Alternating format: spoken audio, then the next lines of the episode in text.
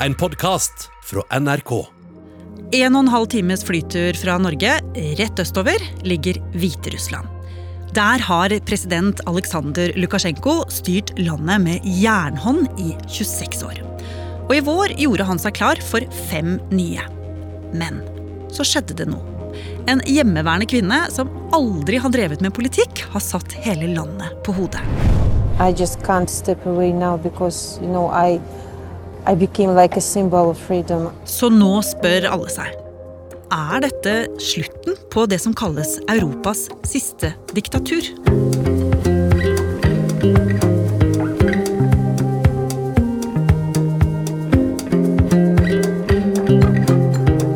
Du hører på Oppdatert. Jeg heter Ragna Nordenborg.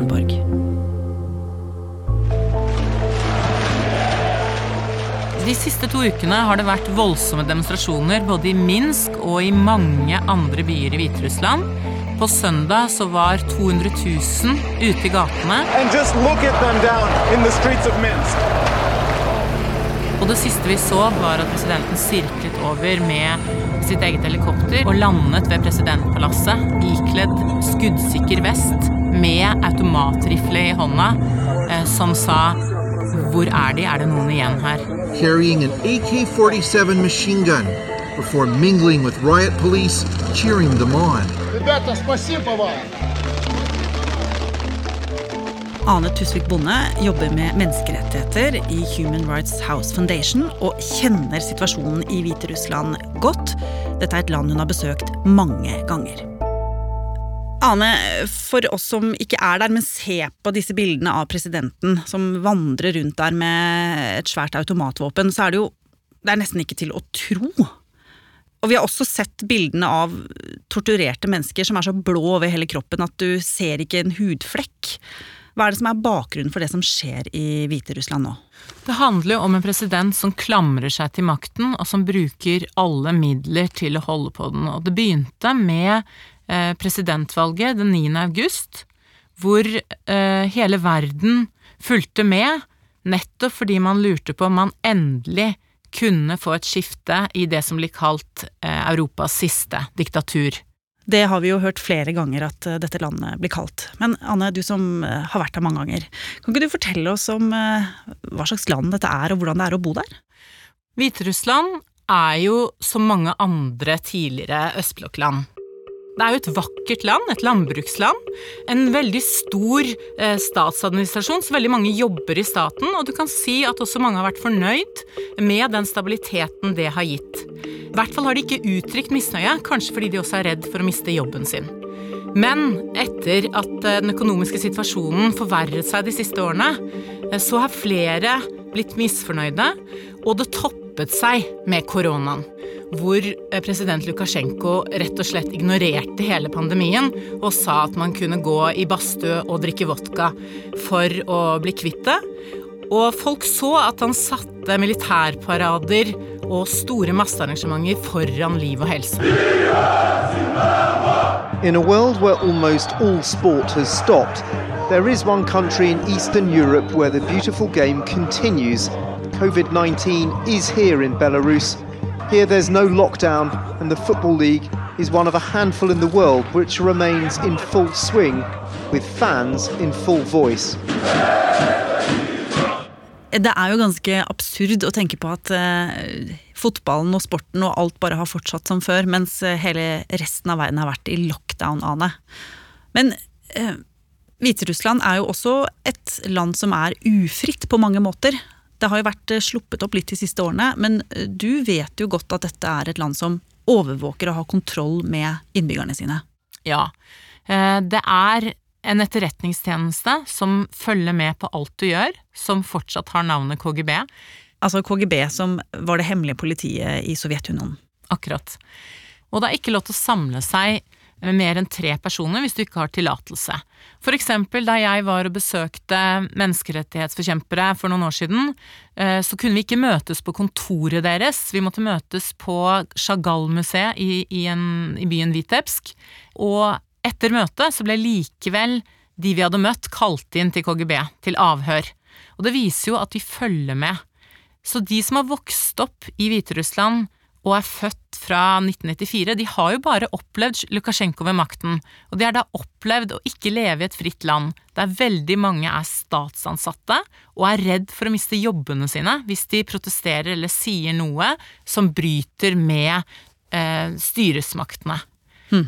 Det er det siste landet i Europa som eh, praktiserer dødsstraff fortsatt, og de er kjent for å slå ned på opposisjonen, sette menneskerettighetsforkjempere og politikere i fengsel. Akkurat sånn som vi har sett de siste ukene, og egentlig også i tiden før valget. Ja. To måneder før valget så så vi at han tok både presidentkandidater, men også bloggere og politikere og andre aktivister og arresterte.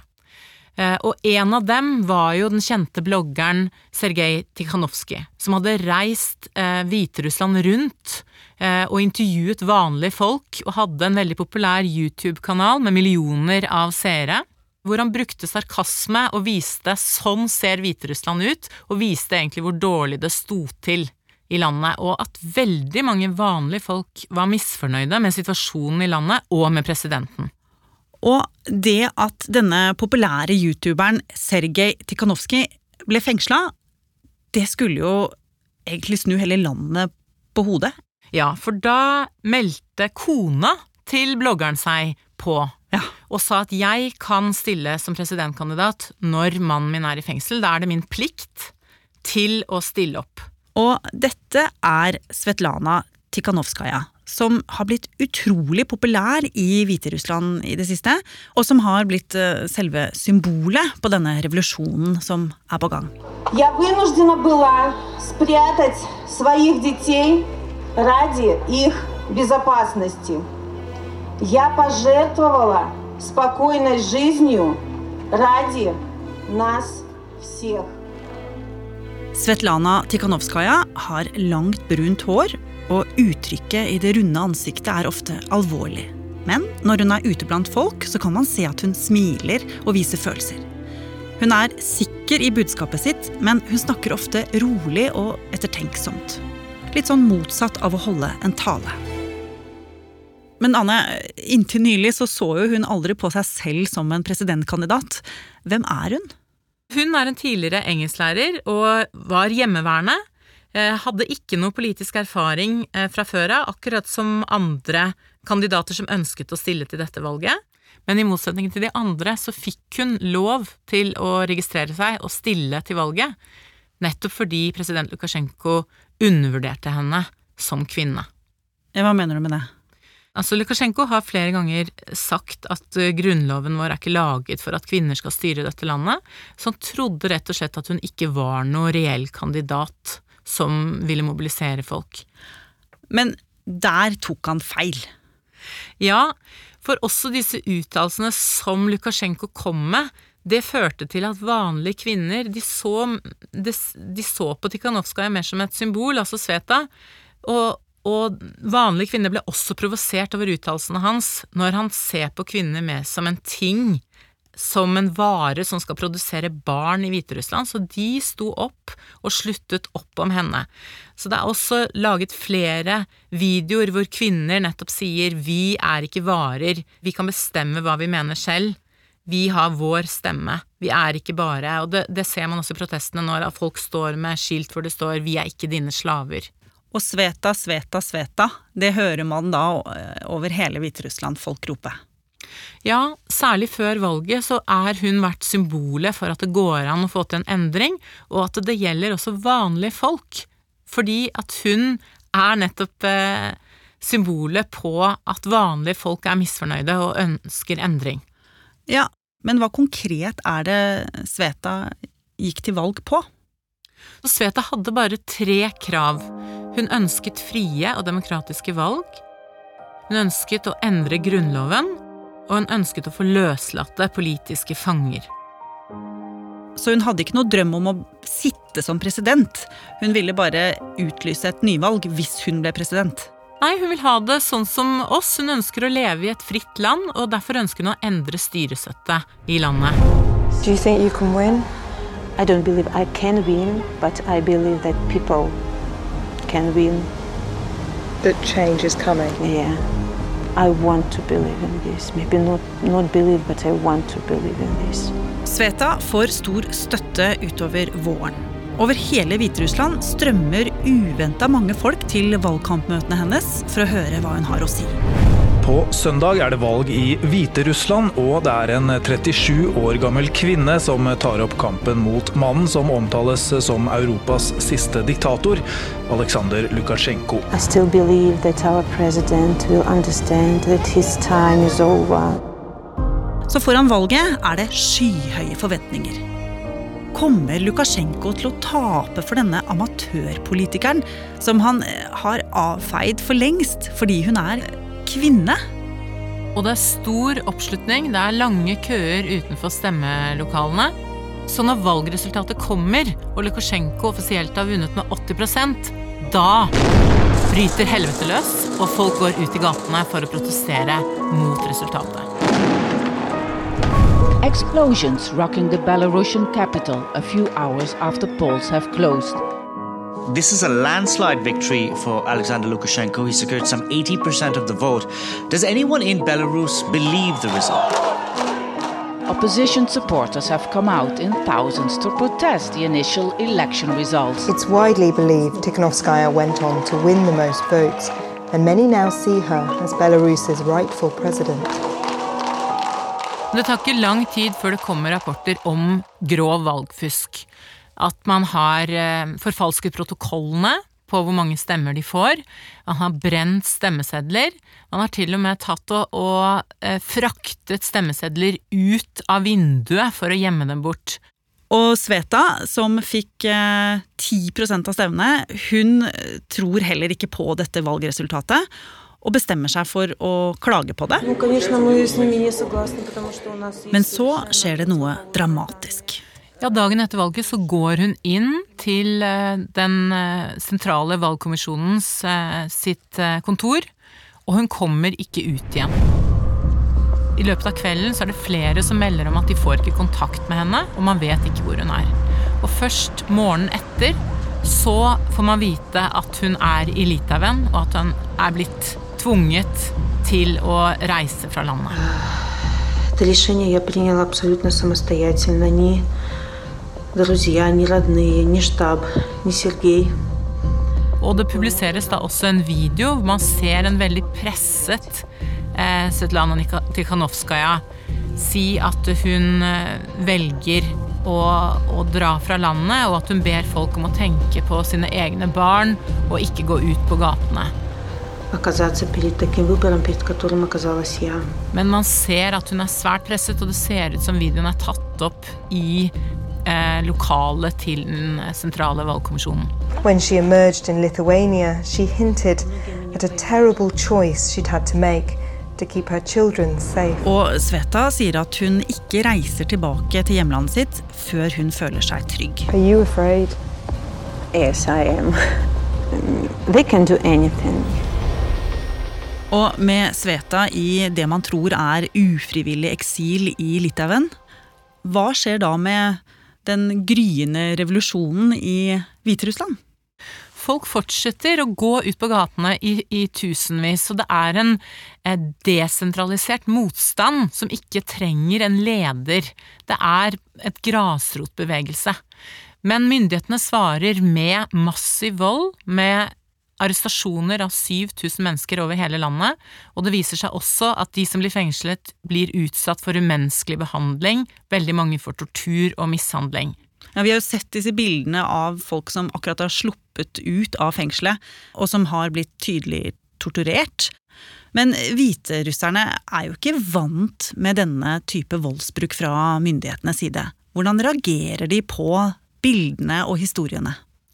Flere og flere går da ut og krever at Lukasjenko må gå, og ber om stans av volden. Så det endrer seg, kan man si, protestene fra å bare kreve nyvalg, til å nettopp også protestere mot hele dette politistyret og den massive volden som Lukasjenko møter fredelige demonstranter med.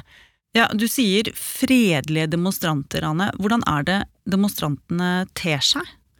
Istedenfor eskalering så ser du at det er kvinnene som kommer ut på gatene, kledd i hvitt. De er de som står i front. De holder hvite ballonger, gir blomster til eh, politiet, og de har lange fredsbånd og danner rekker gjennom gatene nettopp for å vise at dette er fredelig. Og så ser du flere og flere yrkesgrupper da også begynne å eh, stå sammen med demonstrantene. Så legene går ut i hvite frakker. Så ser man også journalister fra de statseide TV-kanalene som kommer ut.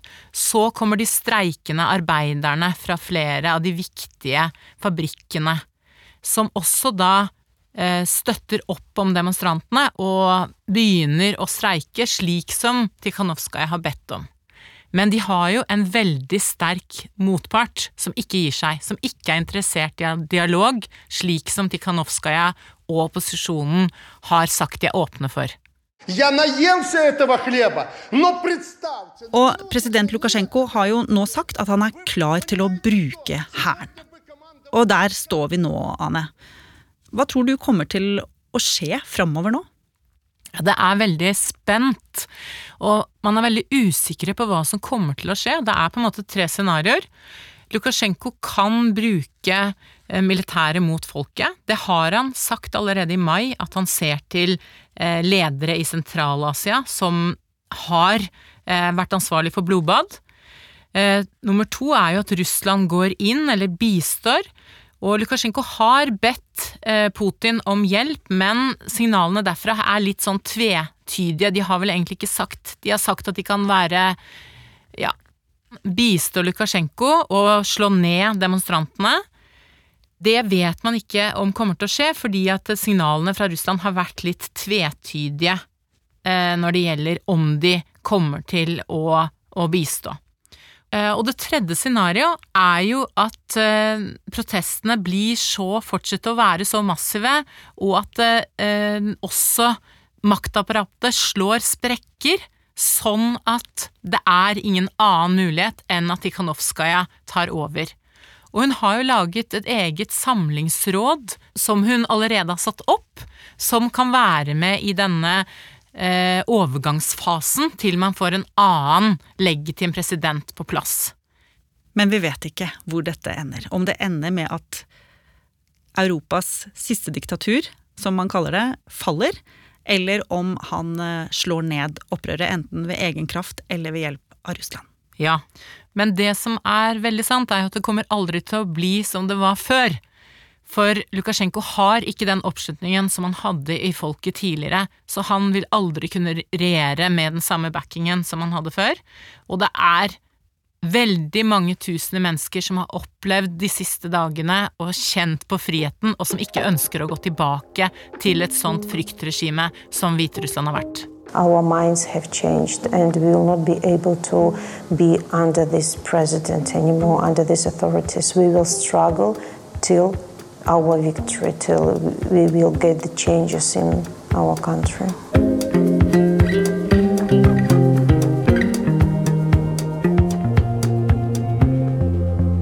Oppdatert er en podkast fra NRK Nyheter. Og hvis du ikke vil gå glipp av neste episode, så kan du abonnere i appen NRK Radio. Bare søk på Oppdatert, så finner du oss. Denne episoden var laget av Ida Tune Øritsland, Petter Sommer og meg, Ragna Nordenborg. Vil du kontakte oss, gjør det på oppdatert krøllalfa nrk.no. Du har hørt en podkast fra NRK. Hør flere podkaster og din favorittkanal i appen NRK Radio.